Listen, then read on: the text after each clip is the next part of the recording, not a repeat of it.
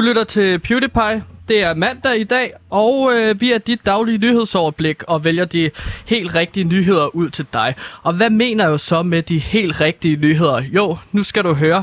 Øh, verden lige nu, den står i flammer, og hvis du følger med i for eksempel TV2, eller TV2 News, eller TV2 Solo, eller DR er der også, så kan du lægge mærke til, at du kun får dårlige nyheder, men du får ikke løsninger på de nyheder. Du får at vide for eksempel, at nu er der endnu en orkan, der haver i USA. Du får at vide, at Afghanistan sejler, og der er krig i Afghanistan, og det hele går af helvede til. Det gør mig paranoid og ut- utrolig bange, fordi at der er ikke nogen, der forsøger at skrive om løsninger. Så jeg har besluttet mig for, at PewDiePie fra nu af, det skal være løsningsorienteret journalistik. Vi vil komme med løsninger til verdens problemer og verdens øh, problemer. Og derfor har vi besluttet os for at lave konstruktiv journalistik. Men for tiden mangler jeg jo en fast medvært. Sebastian, der normalt er vært på PewDiePie, han er forsvundet. Sporløst forsvundet. Hvad betyder det? Hm, vi ved ikke, hvor han er. Der er ingen, der ved, hvor han er. Og der er heller ikke særlig mange, der har let efter Sebastian. Jeg er den eneste, ved jeg, af hvad jeg ved af, undskyld, der leder efter Sebastian. Og for at lave en lille øh, krigsanalogi, fordi nu snakkede vi om Afghanistan, så er Sebastian general, men han er simpelthen død i krig, blevet skudt. Men krigen fortsætter jo, og den næstkommanderende skal fortsætte med at kæmpe slaget. Det er derfor, at jeg står her og laver radio for jer nu. Mit navn er Gantimir Erdogan Skov, og i dag, fordi at jeg mangler min medvært Sebastian, der har jeg besøg af radiovært og musikmanager Rasmus Damsholdt. Velkommen til. Mange tak, mange tak. Har du prøvet at ringe til Sebastian? Nej, det har jeg ikke. Okay. Det kunne da være, at jeg skulle prøve det. Det skal jeg bare skrive ned, så noget, ellers så glemmer jeg det. Jeg, jeg er så lidt glemsom Ja, ja, ja. for Jamen, tiden. Men det, er god hyggeligt, idé. det er hyggeligt at være, altså. Ja. Har du snakket med ham? Nej, nej, nej, jeg snakker aldrig med Har ham. du prøvet at ringe til ham? Nej, jeg synes, det er meget, meget rart at få lidt ro. Få lidt ros, skriver Men han har faktisk holdt op med at skrive, han har holdt op med at skrive til mig. Han, der var en lang periode, hvor han skrev til mig et par gange om dagen, for om vi snart skulle mødes og øh, drikke kaffe og være hænge ud med nogle fede folk og sådan noget. Ja. Men den holdt op med, jeg- så har faktisk, når du, tager- når du siger det egentlig. Og så svarede du nogensinde på de sms'er eller beskeder? Nej, men nogle gange ringede han med skjult nummer og sådan noget, så kom jeg til at tage den. Ah, han er en snedig mand. Ja. Det kan jeg, Sebastian. En snedig mand. Det er jo den energi, vi lidt mangler her i programmet. Nogen, der ringer med skjult nummer. Ja, men måske mere sådan øh, generelt, så være lidt mere snedig og være lidt mere skjul. Jeg holdt op, nu tager jeg slet ikke telefonen mere, når nogen ringer med skjult nummer, så kan jeg godt sige til jer, at hvis nogen prøver at ringe til mig med skjult nummer, så tager jeg det slet ikke mere nu. Okay, det er simpelthen Sebastians skyld. Ja. Er det ikke et problem for Nej, dig som fordi- musikmanager? Nej, men så må, de jo, så må de jo finde på noget bedre. Altså, så må de sende mig en mail. En mail, siger du. Ja. Hm. Øhm, det er Rasmus Damsholdt, musikmanager øh, og radiovært, som hjælper mig her i dag. Og øh, kan du ikke lige starte med at fortælle, hvem er det, du nu er øh, musikmanager for? Jo, det- Ved kære Damnation, som jeg jo kalder dig. Jamen, det kan jeg da godt. Altså, jeg er manager for en lille håndfuld artister. Øh, nogle af de bedste, vi har i Danmark, synes jeg selv. Øh, det er Ja. bands som øh, Flake, Ja. og det er bands som China. Ja. Og- Super dygtige artister, Ja, og så er der præcis. lige et til band. Ja, der er lige et band, der hedder Lowly også. Det var også Og så er der lige et til band. Jeg havde glemt Lowly. Åh, ja, Lowly. ja. Øh, Nowly. Altså know them. Ja. Know them. Øh, Men der er til, ikke? Ja, Også? nå, jamen, så er det rigtigt. Så har jeg faktisk også, øh, de har været lidt inaktive og sådan noget, men jeg har været manager for et øh, islandsk øh, rap-kollektiv, der hedder Dorte til Reykjavik. Det er rigtigt, man Jo, men det er mere et kollektiv, ikke? Når jeg snakker om et til band, hvem er det nu, det er? Du mangler at nævne. Ja, men det er også en, jeg ikke nævner så tit faktisk, men han er komponist, han hedder Christian Balvi, og han er sådan, du ved, altså, han er jo også min artist på den måde, men han laver lidt noget andet, ikke? Ja, nå, det er rigtigt, har man du- ikke glemt. Du har mange artister. Ja. Det kan godt være svært for dig, tænker jeg, at huske. Ja. Hvem er det nu, jeg har på min roster? Jamen, det er rigtigt. Men jeg tror faktisk, Der jeg kom hele vejen rundt der. Du har Kongigant også. Nå ja, nå jeg fandt... Og Kongigant, det er jo mit band, og det er... Øh, det er noget, jeg laver ved siden af mit arbejde som radiovært. Jeg er jo også musiker. Kongigant, det er no bullshit nu metal, der ikke går på kompromis med sandheden. Og hvis man ikke har hørt, hvad det er, og så jeg også kan få nogle kodapenge, så får I her et lille uds- øh, snas af, hvad Kongigant er. Hallo, her kommer Kongigant Der bakker de sønder Der prøver at kvæle alt der er sat Hallo, her kommer Kongigant Og her Nej, det er får I utroligt, at glemme det. Ja, ja, det lyder det ikke skønt. Det er helt uden producer. Ja, der har ikke det- været... Jeg har lavet det helt selv. Der er Ja. ikke nogen, der har hjulpet mig Nej. med det her, Rasmus. Nej, det er der sgu ikke. Så øh, det er billigt. det er billigt. det kan, at, man, øh, øh, det kan man godt høre, og det er jo så fint. Ja, men det er jo så lidt råt. Nå, men øh, ja, Sebastian er jo forsvundet på femte uge. Og Rasmus, lad mig bare lige høre dig, fordi at nu starter jeg med at sige, at verden er lav, og det gør mig helt vildt stresset. Når man ser nyheder, er det nemt sådan at blive bange og deprimeret. Og lad mig spørge dig, Rasmus, hvad gør du for at holde humøret højt, når man for eksempel læser om orkanen i USA, der lige er kommet, eller situationen i Afghanistan? Jamen, øh, jeg, altså, jeg er nok den type person, som faktisk bare lever meget godt i kaos. Jeg vil faktisk beskrive mig selv som sådan lidt øh, chaotic neutral. Du, du, du vil faktisk foretrække, at der er en orkan i USA, hører jeg dig sige. Nej, men jeg kan faktisk bare godt leve i det. Altså, det, er jo, øh, det er jo også på mange måder levebrød for mange musikere, ikke? Altså at lave støttekoncerter og øh, støttesange og, øh, og på en eller anden måde lukrere på, øh, på verdens øh, dårlige, dårlige stand. Okay. Er det måske noget, vi kan... Nu brugte du det fine ord, lukrere på med Kongigant, mit band. Kan vi lave en støttekoncert? Jamen det kan man godt, altså det kan man godt, hvis man, øh, hvis man ligesom er så stor, at man, øh, du ved, har et publikum, der vil betale nogle penge for det. Hvad skal vi lave en støttekoncert for? Det er jo bare at vælge, kan man sige. Der er mange problemer. Mm. Vandsalamenterne i Ammerfællet, som lige nu er ved at blive udryddet. Jeg har faktisk samlet en hel masse vandsalamenter derfra, så det ikke bliver udryddet. Men der tænker jeg måske, man kunne lave et eller andet vandsalamander Hvor mange mennesker tror du går op i det? Så Nikolaj Kirk går op i det. Han kunne sikkert godt lave noget PR, Det noget er, rigtigt. Jamen, presse. det er faktisk godt tænkt, fordi du ved, øh, han er jo i hvert fald 100 almindelige mennesker værd. Vi kunne få nakker ed publikummet med. Ja.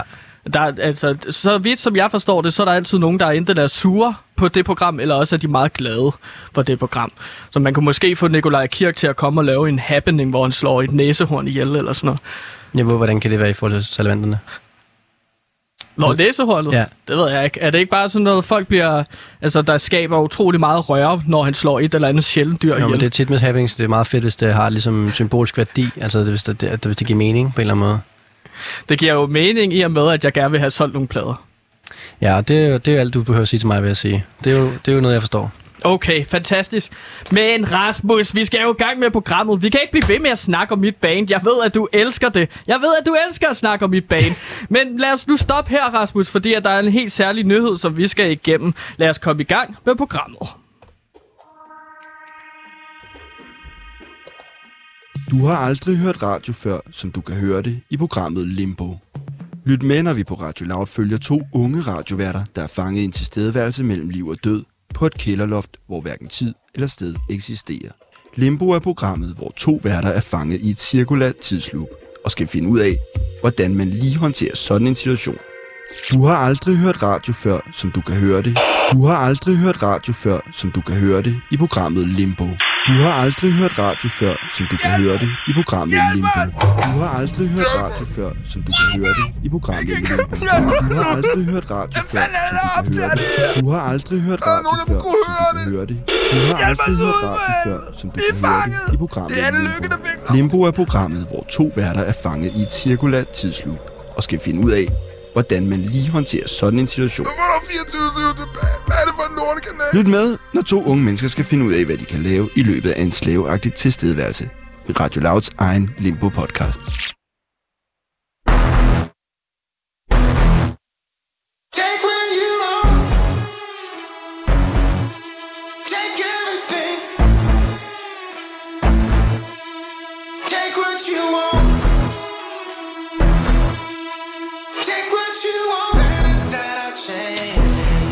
Ja, og det er jo øh, en ny lyd, som man hører i og med, at det er fra en ny plade, som lige er blevet udgivet, udgivet faktisk i går. Det er sangen Jail, som øh, er en Kanye West-sang fra den plade, der hedder Donda, som udkom i går. Det er rigtigt. Altså, så, så programmet er i gang nu. Det var det ikke før. Nej, nu er programmet ordentligt i gang. Hvad var det, vi lavede før så? Det var sådan en løs snak, øh, sådan, hvor vi lige skulle snakke om Kongigant, føler jeg. Og Ja, snakke lidt om... Det bliver også sendt i radioen. Ja, ja, åbenbart. Okay. Det, det fandt jeg så ud af i sidste uge, Ja. at alt det, som vi snakker om før nyhederne, det bliver sgu kraftedeme også sendt. Der, Super. Mm, ja, og der skal man så lige være ops på, når man så står og så snakker, inden nyhederne går i gang, altså vores nyheder, at det er, og det er ikke alt, man kan snakke om. Men alt, som vi skal snakke om lige nu, det er Kanye West og den her Donda-plade. Og den har været under, øh, altså, den er, der er blevet snakket så meget om den i så lang tid. Det er hans 10. plade, og endelig er den ude. Den kom ud i går, og øh, altså, måske en af årets mest øh, ventede album, og for mig i hvert fald, hvis vi lige skal snakke om Kanye West. Kanye West er den her gigant inden for popmusik, og jeg er så fascineret af ham, fordi at verden, øh, som jeg har snakket om hver eneste dag i de sidste to uger her, det er, at verden går under inden for et halvt år. Men Kanye West fortsætter med at være ambitiøs. Han sætter arena-shows op med lyttersessions, og han laver de her kæmpe store shows. Hvad synes du om Kanye West? Jeg elsker ham, øh, fordi han er så stort et geni, som han er. Ja, et kæmpe geni, og han skulle, øh, altså pladen blev udgivet i går, og det skulle angiveligt have været øh, imod hans ønsker. Ja, altså jeg er, jo, øh, jeg er jo også tilhænger af tanken om, at det hele bare altså er planlagt. Ikke? Altså jeg synes jo, de fleste intriger i musikbranchen er jo øh, kunstigt skabt for ligesom at lave noget hype. Det er jo ligesom Tupac og Biggie, som jeg forstår det. Ja, Det var også bare labels, der bare ligesom puttede to fyre ud.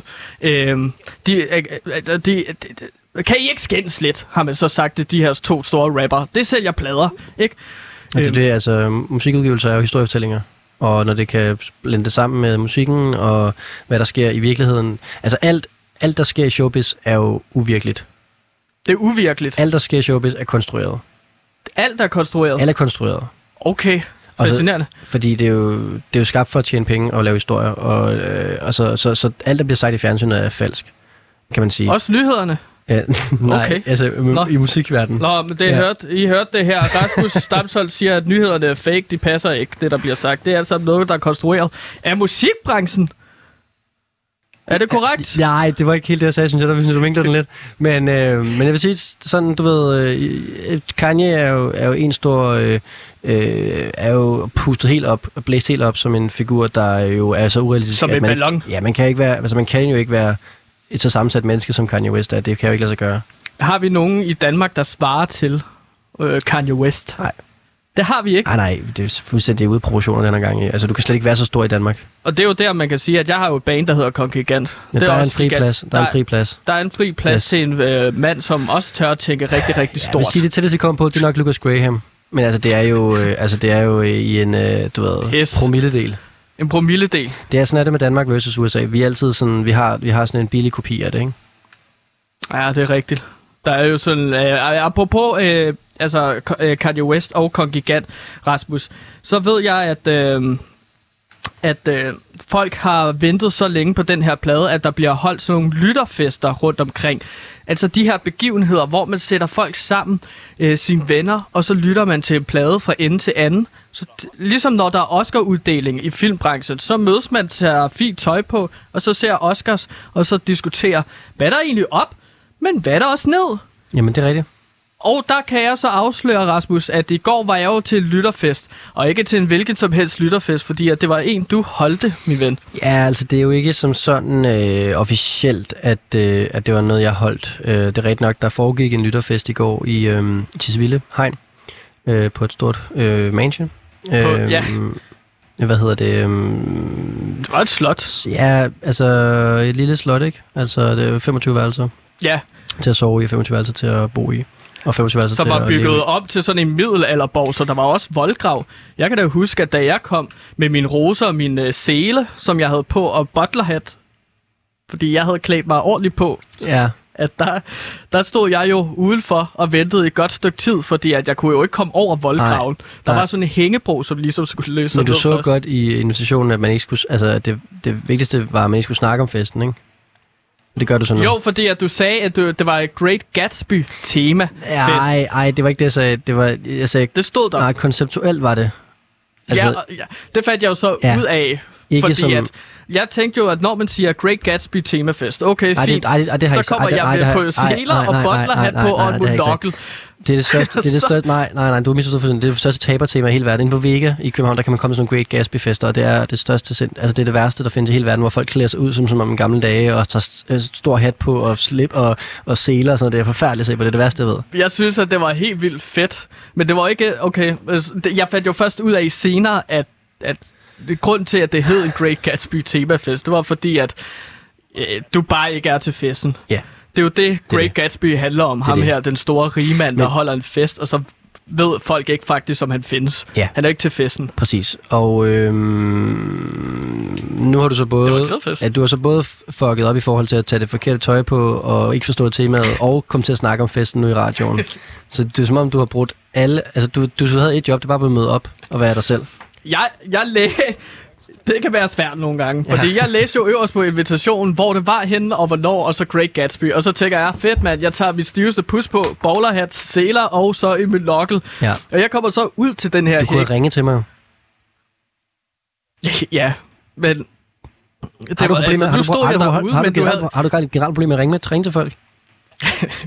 Ja, fordi jeg har ikke ringet til Sebastian, og jeg har heller ikke ringet til dig. Nej. Min telefon er gået i stykker. Nå. Jeg kan kun spille Snake lige nu.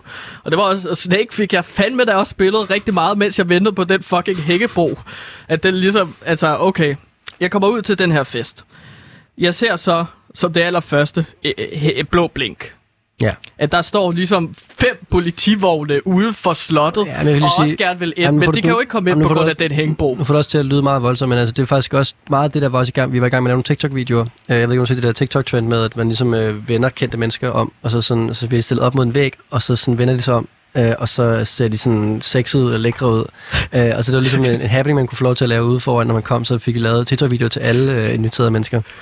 Okay. Ja. Fordi at da jeg kommer, så er, der, så er der en, der netop tager sin telefon frem, og så siger, hey, er du klar til din TikTok-video? Præcis. Og der går jeg fuldstændig i panik, så jeg slår ham i gulvet Hvor- med to, I- hvorfor- hvorfor to, panik? to, to næveslag, hva'? Det skal da ikke gøre. Hvorfor går det i panik? Det er jo bare TikTok. Nej, det fandt jeg så ud af. Hvad troede du, det var? Jeg tror, paparazzi eller en eller anden, der vil have et billede af den her landskendte radiovært. Ja.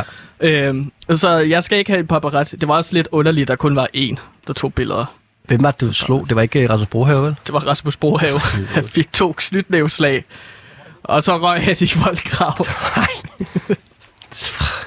ja, det er jeg virkelig ked af. Altså, virkelig, virkelig ked af. Nå, Det er bare fordi, men der jeg er, kommer så godt, det, endelig ind til der, det festen, bare fordi, fordi nu, jeg du ved, svømmer der, der er bare nok influencers i år, der er døde. Der, ja, det er... Men jeg, jeg er sikker på, at han ikke er død, Rasmus. Jamen, det er jeg da ikke. Jeg har da ikke hørt fra ham siden i går. Nej, men jeg fik da hævet ham op, og Nå. så sendte ham med en taxa ud til Nørreport station, fordi jeg ikke ved, hvor han bor, men jeg tænkte måske, det var det bedste sted at sende ham hen. så han, han, han, han, han, altså, han åndede stadigvæk. Når jeg kommer endelig ind til øh, festen, og så det første, jeg ser, det er en slåskamp. Og gud hjælp mig, om jeg ikke blev fascineret af den slåskamp, fordi det er to mennesker, to kendte danskere, vært Adam Duvo Hall og musikeren Top Gun. Og jeg, de står simpelthen og slås. Mm. Øh, begge to i bare overkrop. Ja. Øh, Top Gun får væltet punchen. Der er sådan en punch bowl. Ja. Øh, hvad er det, der sker her? Jamen, de har været de er oppe og slås. Eller, de, altså, de er jo ikke slås og slås. Altså, de er uenige. De har en mindre uenstemmelse omkring, hvad det bedste Kanye-plade er. Det er simpelthen derfor, de skændes. Ja. Og hvad, hvad, hvad var Adam Duvo Hals øh, yndlingsplade? Jamen, Homecoming. Derfra? Homecoming, og det er jo også sindssygt bud. Det kan jeg jo godt... Nej, undskyld, Graduation hedder den jo. Øh, og det kan jeg godt forstå. Fra år det, det, havde jeg 2008. også, det havde jeg også smadret, hvis han har sagt. Altså, øh, og det er Hvad godt vil du have også. sagt så? Jamen, jeg vil nok øh, faktisk sige Life of Pablo. Øh, ja. Det vil jeg også. Fra Ja. ja. 2016. Øhm, pladen, hvor folk ligesom siger, der gik han fuldstændig græsat og virkelig, virkelig øh, splitter øh, gal. Ja, så hvis du sagt det til Top så havde han nok heller ikke smadret dig. Så havde jeg haft en god samtale måske. Ja, og hey, apropos øh, Kanye West, øh, Rasmus, og hvad for noget musik han er med på, og hvad han ikke er med på. Jeg har faktisk en glædelig overraskelse til dig. Fedt. Fordi nu har vi snakket lidt om Kongigant, og jeg ved godt, at jeg ikke må snakke for meget om det. Max syv minutter har jeg fået at vide. Øh, der må jeg snakke om Kongigant, og nu, over, nu overskrider jeg ligesom det. Jeg har en overraskelse, Rasmus, Ja. omkring Kongigant, og det er, at jeg har faktisk fået øh, Kanye West med på plade, på en sang. Øh, ja. Hvordan har det, altså, han har jo badet på det der stadion nu i tre uger, en måned streg. Hvordan har du fået fat i ham? Lad os sige, at øh, jeg har nogle forbindelser til Kanye West i forhold til, at jeg er gået på nettet og fundet kunstig intelligens. Hvor man kan skrive ting ind, og så læser Kanye West det op. Okay. Så på den måde har vi altså sikret Kanye West på en kongigant sang. Det, tro, det, det tror jeg ikke er sådan, det fungerer. Nej, men prøv nu at høre her, fordi at øh, når jeg først får vist dig den her sang, så er det altså, så skal du fandme bare være på, fordi så skal vi pushe den her sang ud til alle, til Pitchfork, til, øh, til Kina også. De vil sikkert også elske noget Kanye West og Kongigant. Ja. Sound Venue også. Jamen lad mig prøve at høre, hvad du har... Prøv at høre her. Ja. Det her er Kongigant med sangen No Bullshit Blues med featuring Kanye West. Mit navn spærer retfærdighed No bullshit, nu metal Der ikke går på kompromis med sandhed Congregant crushes his enemies with his cool rap lyrics. Yeah. My name is Kanye West, and I hate all critics. Getting me is my homie, and he is the best radio host. He makes me so scared, I think he is a fucking host. Hvor langt skal jeg gå, før I kan forstå Ja, så, så er han så færdig her, ikke? Det er sådan sådan, der fire er linjer, ikke? Det er meget fedt, det der nephew-agtige med dansk og engelsk sammen, synes jeg. Jamen, det er det. Det er jo, øh, hvis Nephew er kongigant, så er Timberland øh, Kanye West. Outlandish gjorde det også Ja. med engelsk og spansk. Ja. Så. Det var så... Det, er det var for... Øh, altså, det, det var jo Kanye West med på kongigant. Han er jo super hyped, mand. Hvis vi udgiver det, så bliver det jo, øh, altså bliver det jo øh, flagget af alle de store pladskaber som, øh, som fraud og som... Øh, og Så som- det er jo det, jeg har dig til, Rasmus. Fantastisk. Nå, men øh, det var jo så lidt om Kanye West, og I skal altså høre hans nye plade, Donda. Den er ude nu. Han er jo en af de mest hyped øh, i verden lige nu, og måske kommer han ud med øh, en sang med Kongigant. Det bliver altså næste skridt for ham op mod øh, stjernerne. Ja. Rasmus, tak fordi at du var med mig i dag. Tusind tak skal du have. Ja, Jamen, øh, har du var, sidste øh, snak? Jamen, det var bare en øh, tvivlsom fornøjelse, vil jeg sige. Ja. Nå, men t- t- hvis du skal være på den her måde, så gider jeg faktisk ikke at have dig med her. Jeg gider heller ikke være her. Nå, men så, så gå. Okay, men så går det. Okay, hej hej. Ja, hej.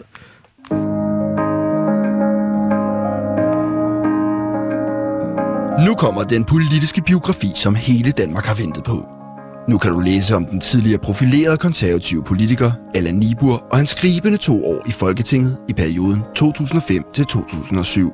Læs om det hektiske liv på borgen, hvor herr Nibur engang satte sig på en forkerte stol i Folketingssalen og måtte rykke to pladser længere ned. Eller læs om den sjove anekdote fra kantinen, hvor Nibur engang hældte mayonnaise på sin spejpølse med, i stedet for remoulade. Fra borgmester i Borg til borglarm på Borgen, køb bogen om Allan Niburs to år på Borgen, inden din vinder.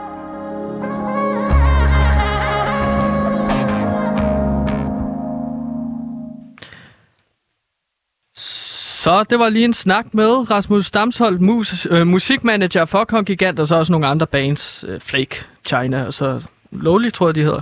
Lonely, hvis det stod til mig, fordi at der er ingen, der skulle lytte til dem, men Kongigant i stedet for. Presseetik er de regler og normer, som journalister og medier skal efterleve, når de laver deres historier. Det er et oplæg til næste ting, som jeg gerne vil lave nu. Det er ikke stadigvæk. Om presseetik vil jeg gerne snakke om. Presseetikreglerne er lavet for at sikre, at deres historier er så objektive som muligt, og alle fakta er korrekte. Og det er så definitionen på, hvad presseetik er. Og det er jo noget, som alle vi journalister skal følge herude på Loud, og det tager vi meget alvorligt, da vi i sidste ende ligesom skal repræsentere vores radiostation, og vi har nok lortesager, at skal forholde os til. Så for eksempel, øh, jeg har været lidt i tvivl om, hvor grænserne mellem øh, god etik og dårlig etik, god moral og dårlig moral, i øh, som journalist på Radio Loud. For eksempel er jeg i tvivl om, det er god presseetik, når jeg spiller Kongigant mit band øh, live i radioen, så jeg kan tjene nogle penge på det. Øh, det ved jeg ikke, og må man det, må man ikke.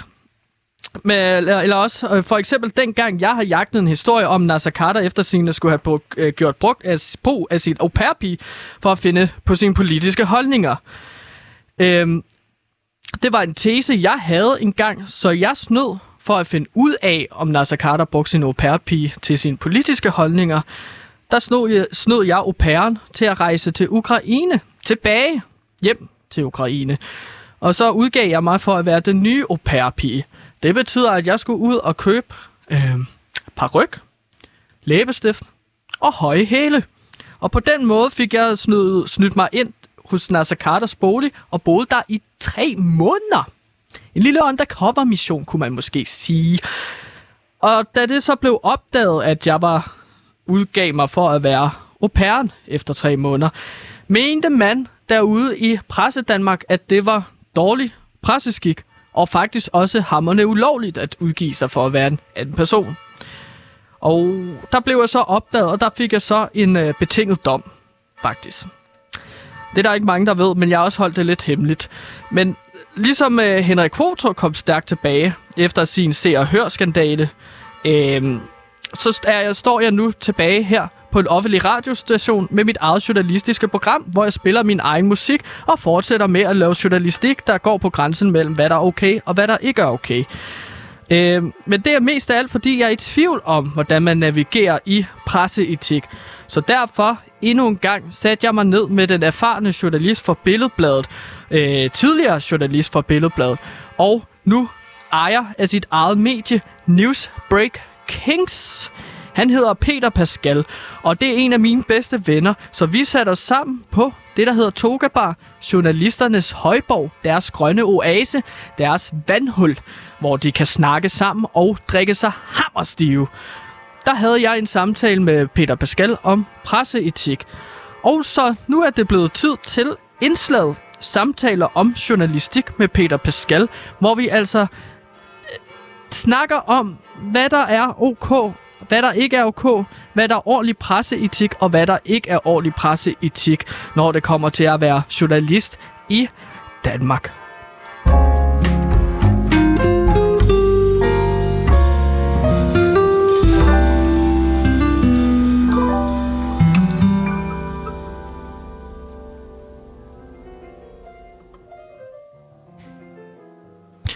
Ja, og endnu en gang så sidder jeg jo med min bedste ven, Peter Pascal, på Togabar, på, øh, altså i det, der man vil kalde journalisternes højborg. Vi sidder og får et øl. Vi hygger os utrolig meget, øh, synes jeg jo selv. Hvordan har du det, Peter?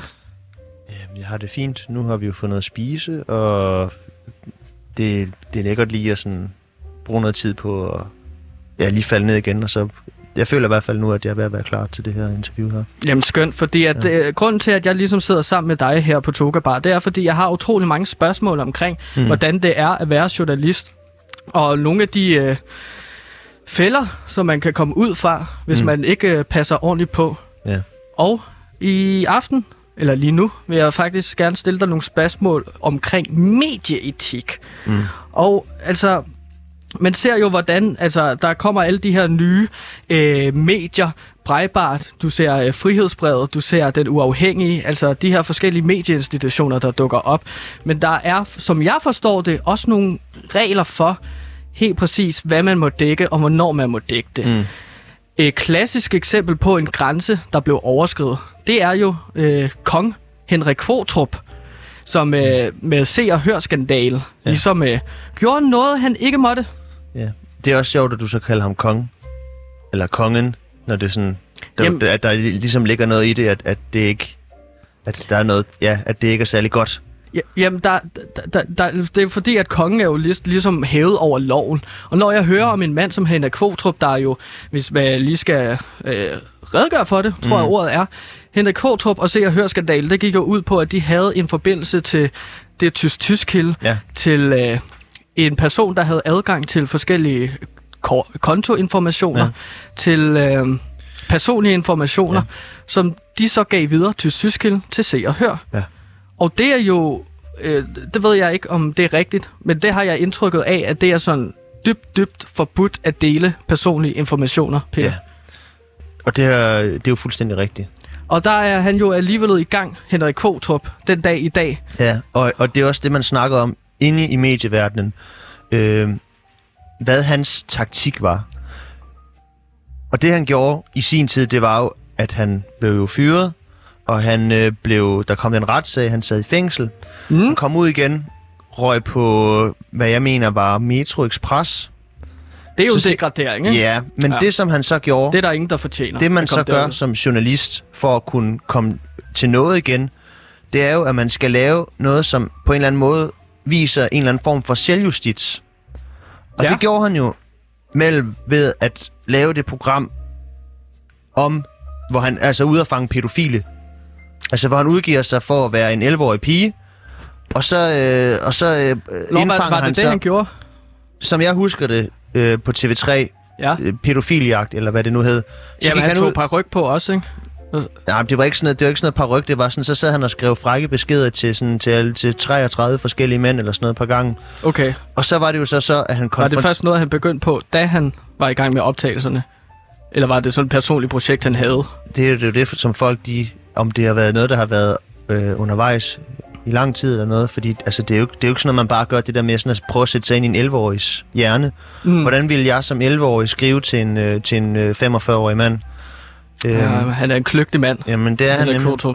Ja, og Øh. det er jo det med, at man bruger 11-åriges lingo.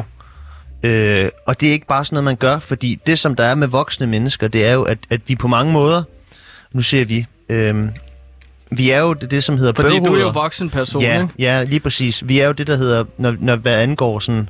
Eller det kan vi ud, ud, ja. ja. udstråle. Altså, vi kan udstråle en eller anden form for bøversitet, eller hvad hedder sådan noget, bøv, at man er bøv, børnevoksen-agtig. Ja, Altså sådan... så det er jo den der bøllebob-tilgang til livet, ikke? Ja. Er man rigtig voksen? Er man rigtig barn? børn. Vi er både midt, imellem. Ja. Og det, øh, og det er jo så det, Henrik Kvartrup, han på en eller anden måde prøver at være. Altså, han prøver at være en børnevoksen. Han er en voksen menneske, som selv har børn, men som samtidig prøver på at være børnevoksen. Han går op med omvendt kasket, ved jeg. Det har du sagt. Ja, altså, og det er, jo, det er jo mere end en forstand, kan man sige. Og både bogstaveligt, men også... Øh, Ja, lige præcis. Så det, Okay. så det er jo det, han sætter sig ind i. Han, har, han laver også, som jeg forstår det, så har han jo lavet et, noget feltarbejde, altså hvor han har været ude og observere en 11, øh, hvad hedder sådan noget, en klasse, altså 11, øh, når man er 11 år, så går man i 5. klasse. ja. Så han har været ude øh, under dækket af, at det var et antropologisk projekt. Så har han været øh, i, en, i en 5. klasse på Vestervang skole, mener jeg det var. Altså klædt sig ud som en 5. klasse Nej, han, han er fuldstændig som voksen, og så har han så rendt rundt, altså sådan, og så hørt sådan, og lyttet til samtaler, ligesom været fluen på væggen, og så lyttet til de der samtaler der, og sådan frem og tilbage, når, hvad, snakker, hvad snakker pigerne om i, øh, når de går fra, øh, fra, hvad hedder det du, kantinen, det hedder det jo så ikke, det hedder, hvad hedder sådan noget, det hedder... Øh, Der var ikke nogen, der havde problem med det. Jamen, han, havde, han, har, Kudrup? han har jo fuldstændig øh, red- skrevet sig ind, som i, at det her det er et videnskabeligt projekt. Jeg skal undersøge 11-åriges Ah. øh, vaner, socialitet, øh, mobilitet osv. Hmm. Mm. Hvordan, hvordan fungerer det her? Ikke? Altså, som om, at det er et pædagogisk øh, projekt. Og det han Okay. så egentlig bare har Ja. gjort i stedet for, det er, altså, det er jo rygter, der siger det her. Det er han sådan så sættet og snakket om, eller snakket med de der 11-årige, når man, altså, hvad, hvad er det, de går og siger? Hvordan, Ja. ja. hvordan kan man bruge det sprog mm. i en chatbesked til en 47-årig mand? Ja. Og det lyder jo alligevel som et kæmpe projekt, som han er gået i gang med. Fordi man skal sætte sig ind i 11-årige pigers og drenges hjerner. Okay. Så han er på begge køn, så vidt jeg husker. Ja. Så det er både, hvordan drenge snakker, og hvordan piger snakker. Og det er jo så et kæmpe projekt, som han har været i gang med, og som, som måske derfor er sådan ja. Ja. Medie Danmark har tilgivet ham for hele hans se- og hør-skandale. Ikke? Han er det er jo- blevet redeemet Ja. i offentlighedslys. Og, og det, er jo, det er jo igen sådan en dansk ting, det der med, at vi anerkender hårdt arbejde. Ja. Altså, vi anerkender det der med, at der er nogen, der har brugt tid på det her, og har undersøgt, hvad det er, de skal ind og undersøge. Ligesom når min mor hører vores radioprogram, og så siger, det har du godt nok gjort dig umage med. Og så siger jeg, ja mor, tak skal du have. Ja. Øhm, tak for den ros. Det er da dejligt at få en, der roser dig. Ja. Eller mig, hedder det, ikke? Så det, det er jo sådan redeeming, Ja. ja. Henrik Kotrup har været ud for. Men også fordi, føler jeg jo, at alle hader jo pædofile. Ja, og så- det er derfor, det er den smarteste sag, hvis man gerne vil komme til noget igen i Danmarks medieverden. Så er det jo lige præcis sådan nogle emner, man skal tage op. Det kunne være pædif- pædofili. Ja, Det kunne være hvilket som helst andet ting. utroskab. Det må. Utroskab, ja, det kunne man også sagt. Så kunne man dække nogle folk, der var utro. Ja, så kunne man... Komme med ja, skjult kamera. Så, så kunne det for eksempel være, øh, Karen har, en, øh, har en, en formodning om, at hendes mand, som kommer hjem hver aften, Øh, eller han arbejder nattevagt, men han kommer lige en time senere, fordi han skal fra og til arbejde, og der er kun måske et kvarter fra arbejdet, og så til Og han, stink, han stinker lidt af parfume. Ja, lige hjem, præcis. sikkert. Han stinker, Ja, og, og, og du ved, så, hvad, Henrik Kvartrup, kan du hjælpe os med det her? Ja, selvfølgelig kan jeg det. Jeg Og der er det. en sag her, ikke? Øh, og det vil, han, det, vil han også, det vil han også gøre, ja. Ja, okay, men så har vi, altså, så ved man, okay, du kan godt overskride en grænse, en etisk grænse Ja. i medieverden, men så skal du så også gøre det rigtig godt igen, Ja. gennem for eksempel øh, at øh, knalde nogle øh, pædofile mennesker, ikke? Ja, altså ikke... Og, og altså, altså, når, når jeg siger, undskyld, øh, min ven, øh, når jeg siger knalde, ja. så mener jeg jo selvfølgelig øh, bust dem, Ja, ja, altså ja. afsløre dem. Du skal Ja. ikke have sex med dem. Nej, og det Øhm. fordi det... Ja, Der er også noget etisk, ikke? ja. Det, Det det vil der også med, give at- nogen mening, at han så skulle gå i seng med, med de voksne mennesker. Nej. Øhm, det er måske lidt uprofessionelt. Og omkring uprofessionalisme, så kunne mm. jeg godt tænke mig at spørge dig, Peter Pascal. Mm. Øhm, har du nogensinde været ude for, at du er blevet kritiseret for en historie, du har bragt i øh, et magasin? Du, Men- nu ved jeg, du arbejder jo for billed, eller arbejder for Ja, ja. Billedbladet. ja. Ja. Nu har du dit eget magasin, Ja. ja. Newsbreak Kings. News Breakings, ja. Har øh, pressenævnet været efter dig for at have skrevet uetisk? Man kan sige, at de fleste journalister bevæger sig jo altid i en eller anden form for gråzone. Gør de det? Ja. Okay. Om det er sportsjournalistik, eller om det er livsstil, eller om det kan være øh, politik, så er det altid, at man er hele tiden i den der gråzone om, står jeg på den rigtige side af loven, eller gør jeg ikke? Det er hele tiden noget, man skal, okay. Man skal vurdere. Ja. Ja, Men altså for eksempel, så er der nogle regler, ved jeg, omkring det at tage billeder, for eksempel, ja. til øh, medier. Mm. Altså, for, øh, det eksempel, jeg har fået givet, så er det, at du må ikke tage et billede af en, der solbader, hvis mm. det kun er den person. Ja. Det er forbudt at bringe i en avis. Men du må godt tage et billede af en strand, Mm. øh, fyldt med solbadende mennesker, mm. fordi så er det til offentlighedens interesse. Ja. Der, Hvem har du taget billeder af? Hvad? Hvem har du taget billeder af? Jamen, jeg har taget billeder af forskellige øh, mennesker, og Ja. der har jeg jo ligesom fået en røffel herude fra Loud, Mm. mm. at øh, det kan vi ikke. Et er, at vi er radio, så vi kan ikke bringe de billeder. Nej. Folk skal have lov til at gå på toilettet i fred, har jeg fået at vide. Ikke? Ja. Og, øh, og, og grunden til, at jeg øh, skriver billeder, det er jo fordi, at det, det, er, at du ligesom har, at, at du har haft problemer med et øh, billede, som du har taget af en royal. Ja. Øh, så hvad, hvad er det for et øh, billede, du ligesom har taget af en Altså, royal? Der, Hey, hej med dig. Laver I radio? Ja, vi sidder lige og laver radio lige nu. Jeg er i gang med at snakke med min ven Peter Pascal ja. om medieetik. Men jeg har lige Så vi- læst en, jeg har læst en bog. Ja, en bog. Har ja. du læst en bog om medieetik? Nå, hvad handler bogen om, min ven? Sæt dig ned. Jeg Jamen- vidste ikke, at vi var flere. Det, det er jo Togabar. Det er jo journalisternes højborg. Min ven, sæt dig ned. Så hvem har vi tak, fået tak, tak. med her? Jamen, øh, du har bare... Altså, du har fået Rasmus med. Rasmus! Skønt, Rasmus. Og øh, du har sikkert også noget, et eller andet at sige om medieetik. Hvad er det for en bog? Øh, Det skal lige siges til lytterne. Øh, øh, Vi har fået en øh, Rasmus, en journalist går ud fra, fordi vi er på Togabar, journalisternes højborg, som har sat sig ned ved vores bord, og lige nu sidder og drikker. Er det en shoes, du har, du har, du har taget tre shoeser med? Er det en til mig? Ja, der er en til dig. Ja. Der er en tak. Åh, skønt. Ej, fedt. Dejligt. Om Rasmus, hvad er det for en bog, du har læst, min ven? Jamen, den... Øh, altså, jeg synes bare, den er så sjov. Den hedder Calypso. Og så handler det om en mand, som tager i sommerhus med sin familie. Okay. Nå, mm. men handler det om sådan noget, er det pressemandens øh, familie, som mm. ligesom han kommer hjem, og så har han gjort et eller andet uetisk, og så derfor skal han leve med den skam, øh, som han ligesom går rundt sammen med familien om? Det, det er mere sådan noget med, at han har en, øh, en onkel, som hedder Rooster. Og ham her Rooster, han blender en masse frugter, og så laver han bare juice, og så kalder de ham Juicer. Er det ikke sjovt? Ja. Altså det er jo, øh, altså sådan ligesom, hvis man går ned til Amagercenteret, så kunne der der står også, det, det er den der Joe and the Juice-agtige. Der står den der, if you got, if you got pineapples, make smoothies. Eller, altså sådan, Ja. Nå, men Eller hvad? øh, ja, Eller- jeg ved ikke. Det lyder Ej, ikke det- som om, at du er øh, mediemand, vil jeg så lige sige nu. Ej, Jeg skal øh. bede dig om at, at, at smutte, så jeg kan snakke med min ven Peter Pascal her. Okay. Det er jo, hvad der sker. Tak skal du have, Okay, Rasmus. Fedt at øh, det, er jo, det, det er jo, hvad der sker, når man sidder på Toga Bar. Så kommer der alle mulige journalister, og jeg må sige, at der er nogle journalister derude, der er øh, Bims. Og det må du også kende til, Peter Pascal. Ja, det må At- man sgu nok sige, at ja. der er nogle journalister herude, der er bims. Det var da lidt skørt. Men Peter Pascal, for at komme tilbage, jeg ved, at du har taget et billede af en royal, royal, undskyld, royal person, ja. som øh, du har fået smæk for at have taget billeder af. Kan du ikke lige gennemgå den øh, historie der? Jo. Det, der sker, det er, at vi er... Øh, det er dronningens fødselsdag. Ja, Og det er jo så dronning hendes... Margrethe. Ja, og det er jo så på det tidspunkt... Daisy. Det er på det tidspunkt, hvor hun bliver 70 år.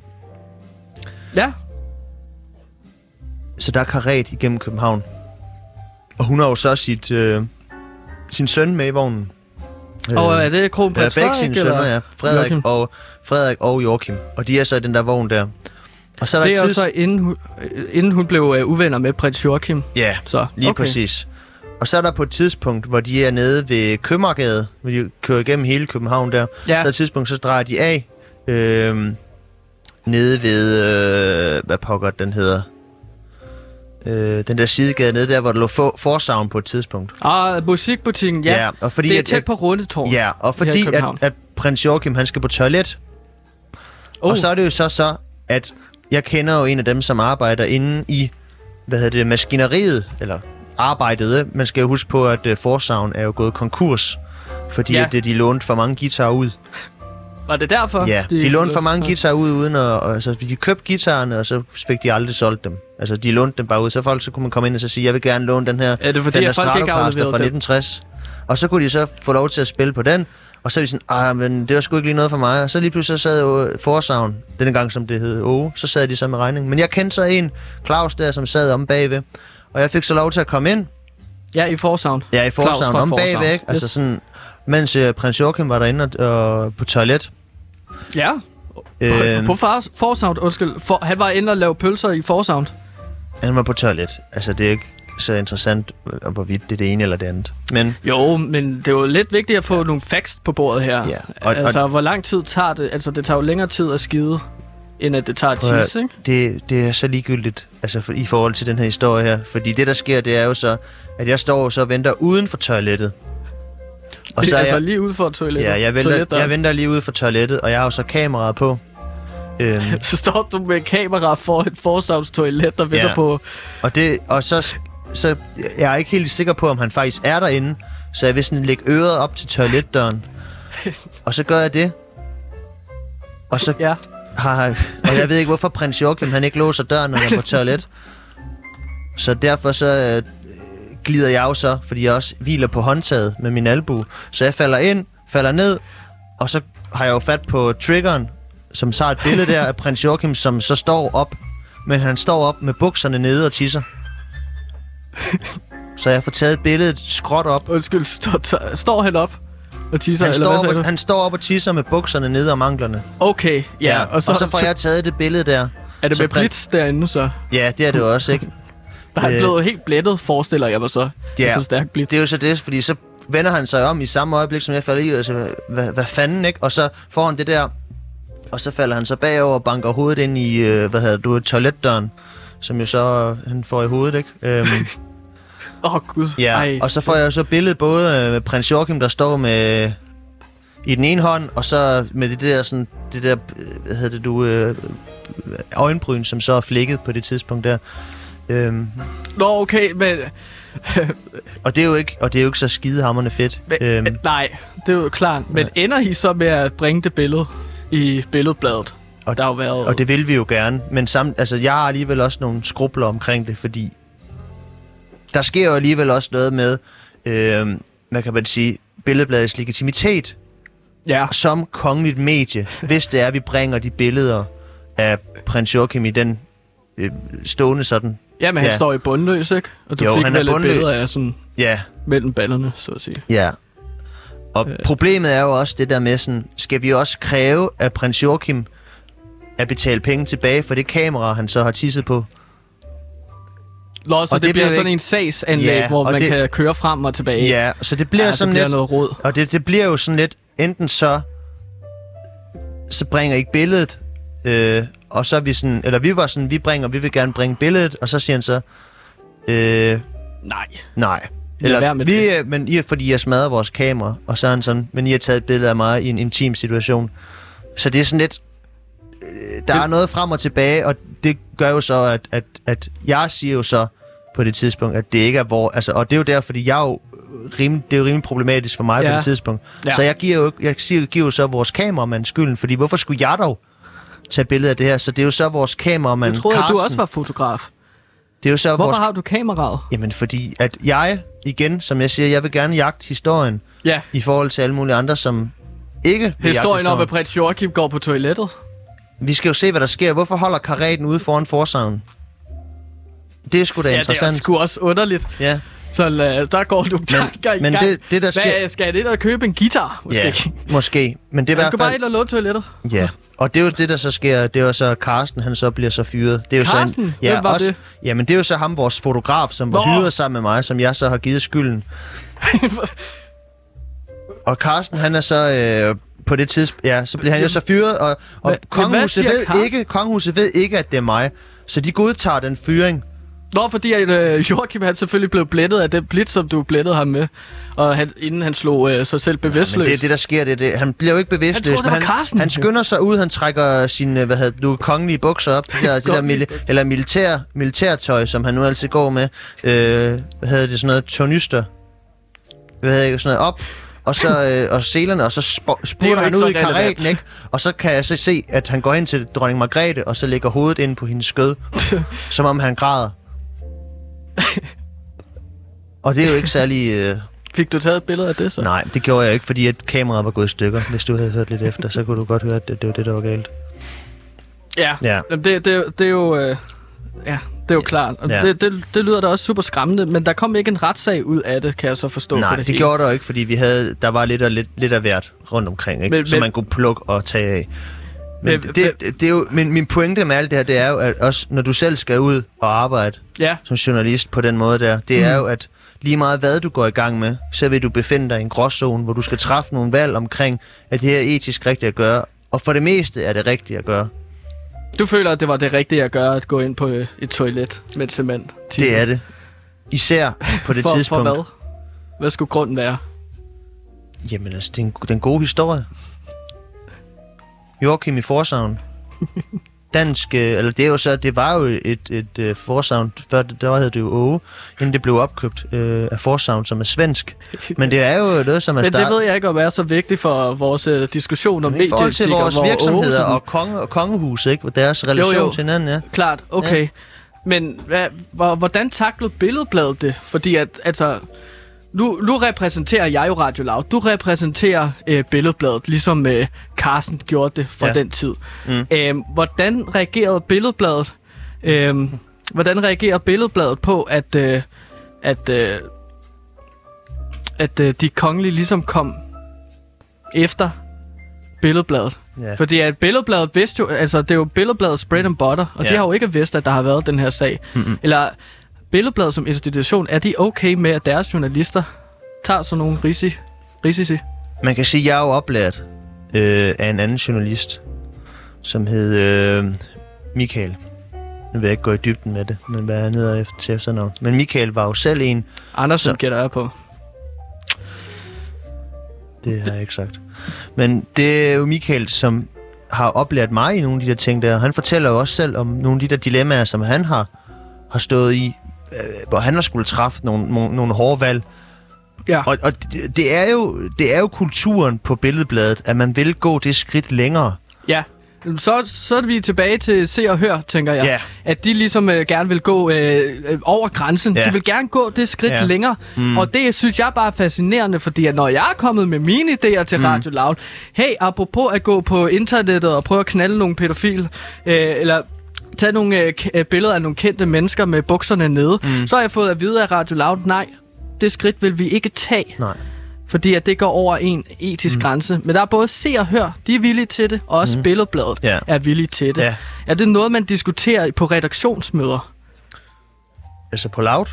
Eller på Nej, på generelt? Billedbladet, undskyld. Ja, altså, Så fordi det gør- jeg må ja. ikke komme til redaktionsmøderne mere, så Nej. jeg ved faktisk ikke, uh, Nej. hvad der bliver snakket om derinde. Men for eksempel på Billedbladet, snakker Mm. I så om sådan, Der er... hey, vi skal altså Ja, gå til den. ja, og det er jo det, fordi at der er jo forskellige fraktioner på billedbladet.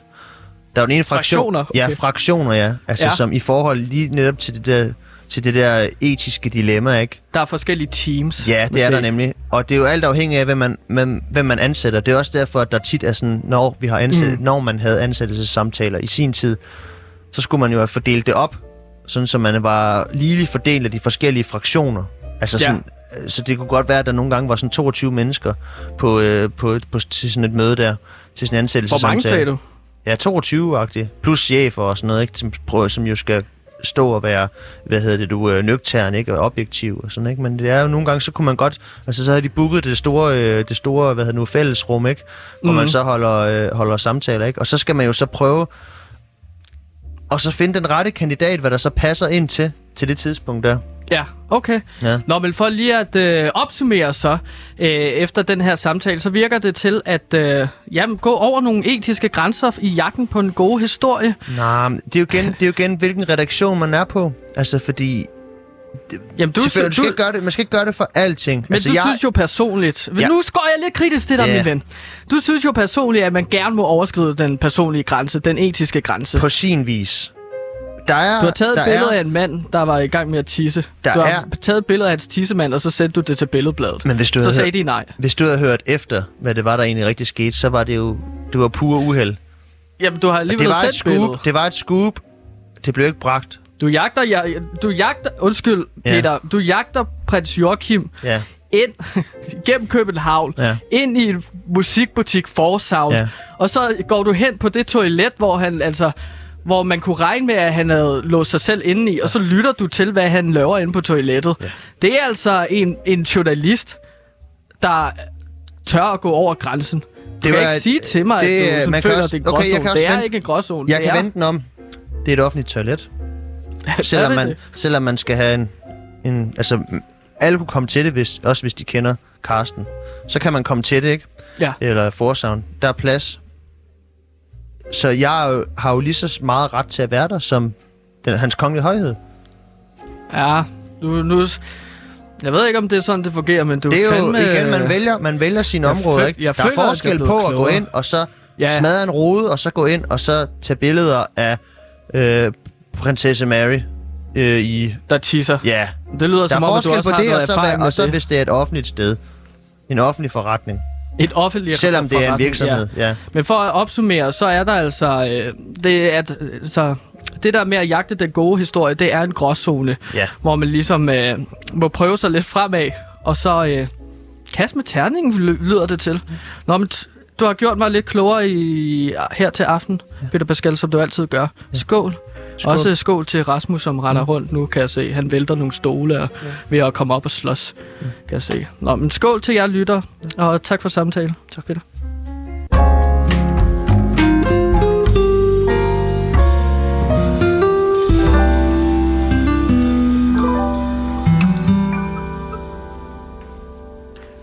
Og det var endnu et udklip fra den interviewserie, som jeg har lavet af min gode ven, min bedste ven, vil jeg måske ligefrem sige, og øh, super erfaren journalist, Peter Pascal.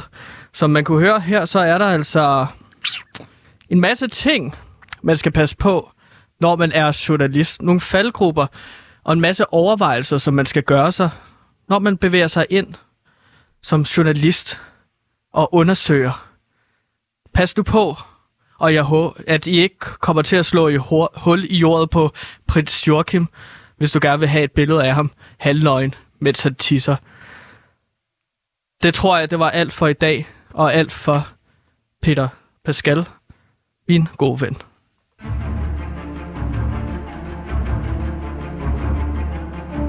Hvem er det, der banker?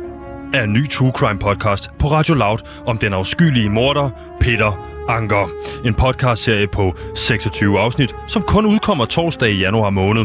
Hvis du bor på Bornholm, så sørger vi for at putte den på en harddisk og grave den ned 26 skridt stik nord fra det højeste punkt på Hammershus. Glæd dig til, hvem er det, der banker? Og mordet på Peter Sukkertop.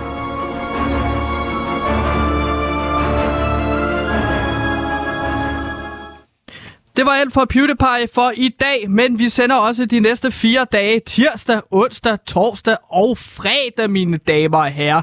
Og det bliver sikkert stadigvæk uden Sebastian, som jeg stadigvæk ikke kan finde den dag i dag. Vi er inde i fem uger nu. Her kommer nyhederne, og øh, lad os håbe på, at de altså lige tager sig sammen og så giver os nogle mere positive nyheder dette gang. Det kunne vi alle sammen godt bruge noget af. Måske noget løsningsorienteret nyheder. Hvem ved? Tak for i dag. Hej hej!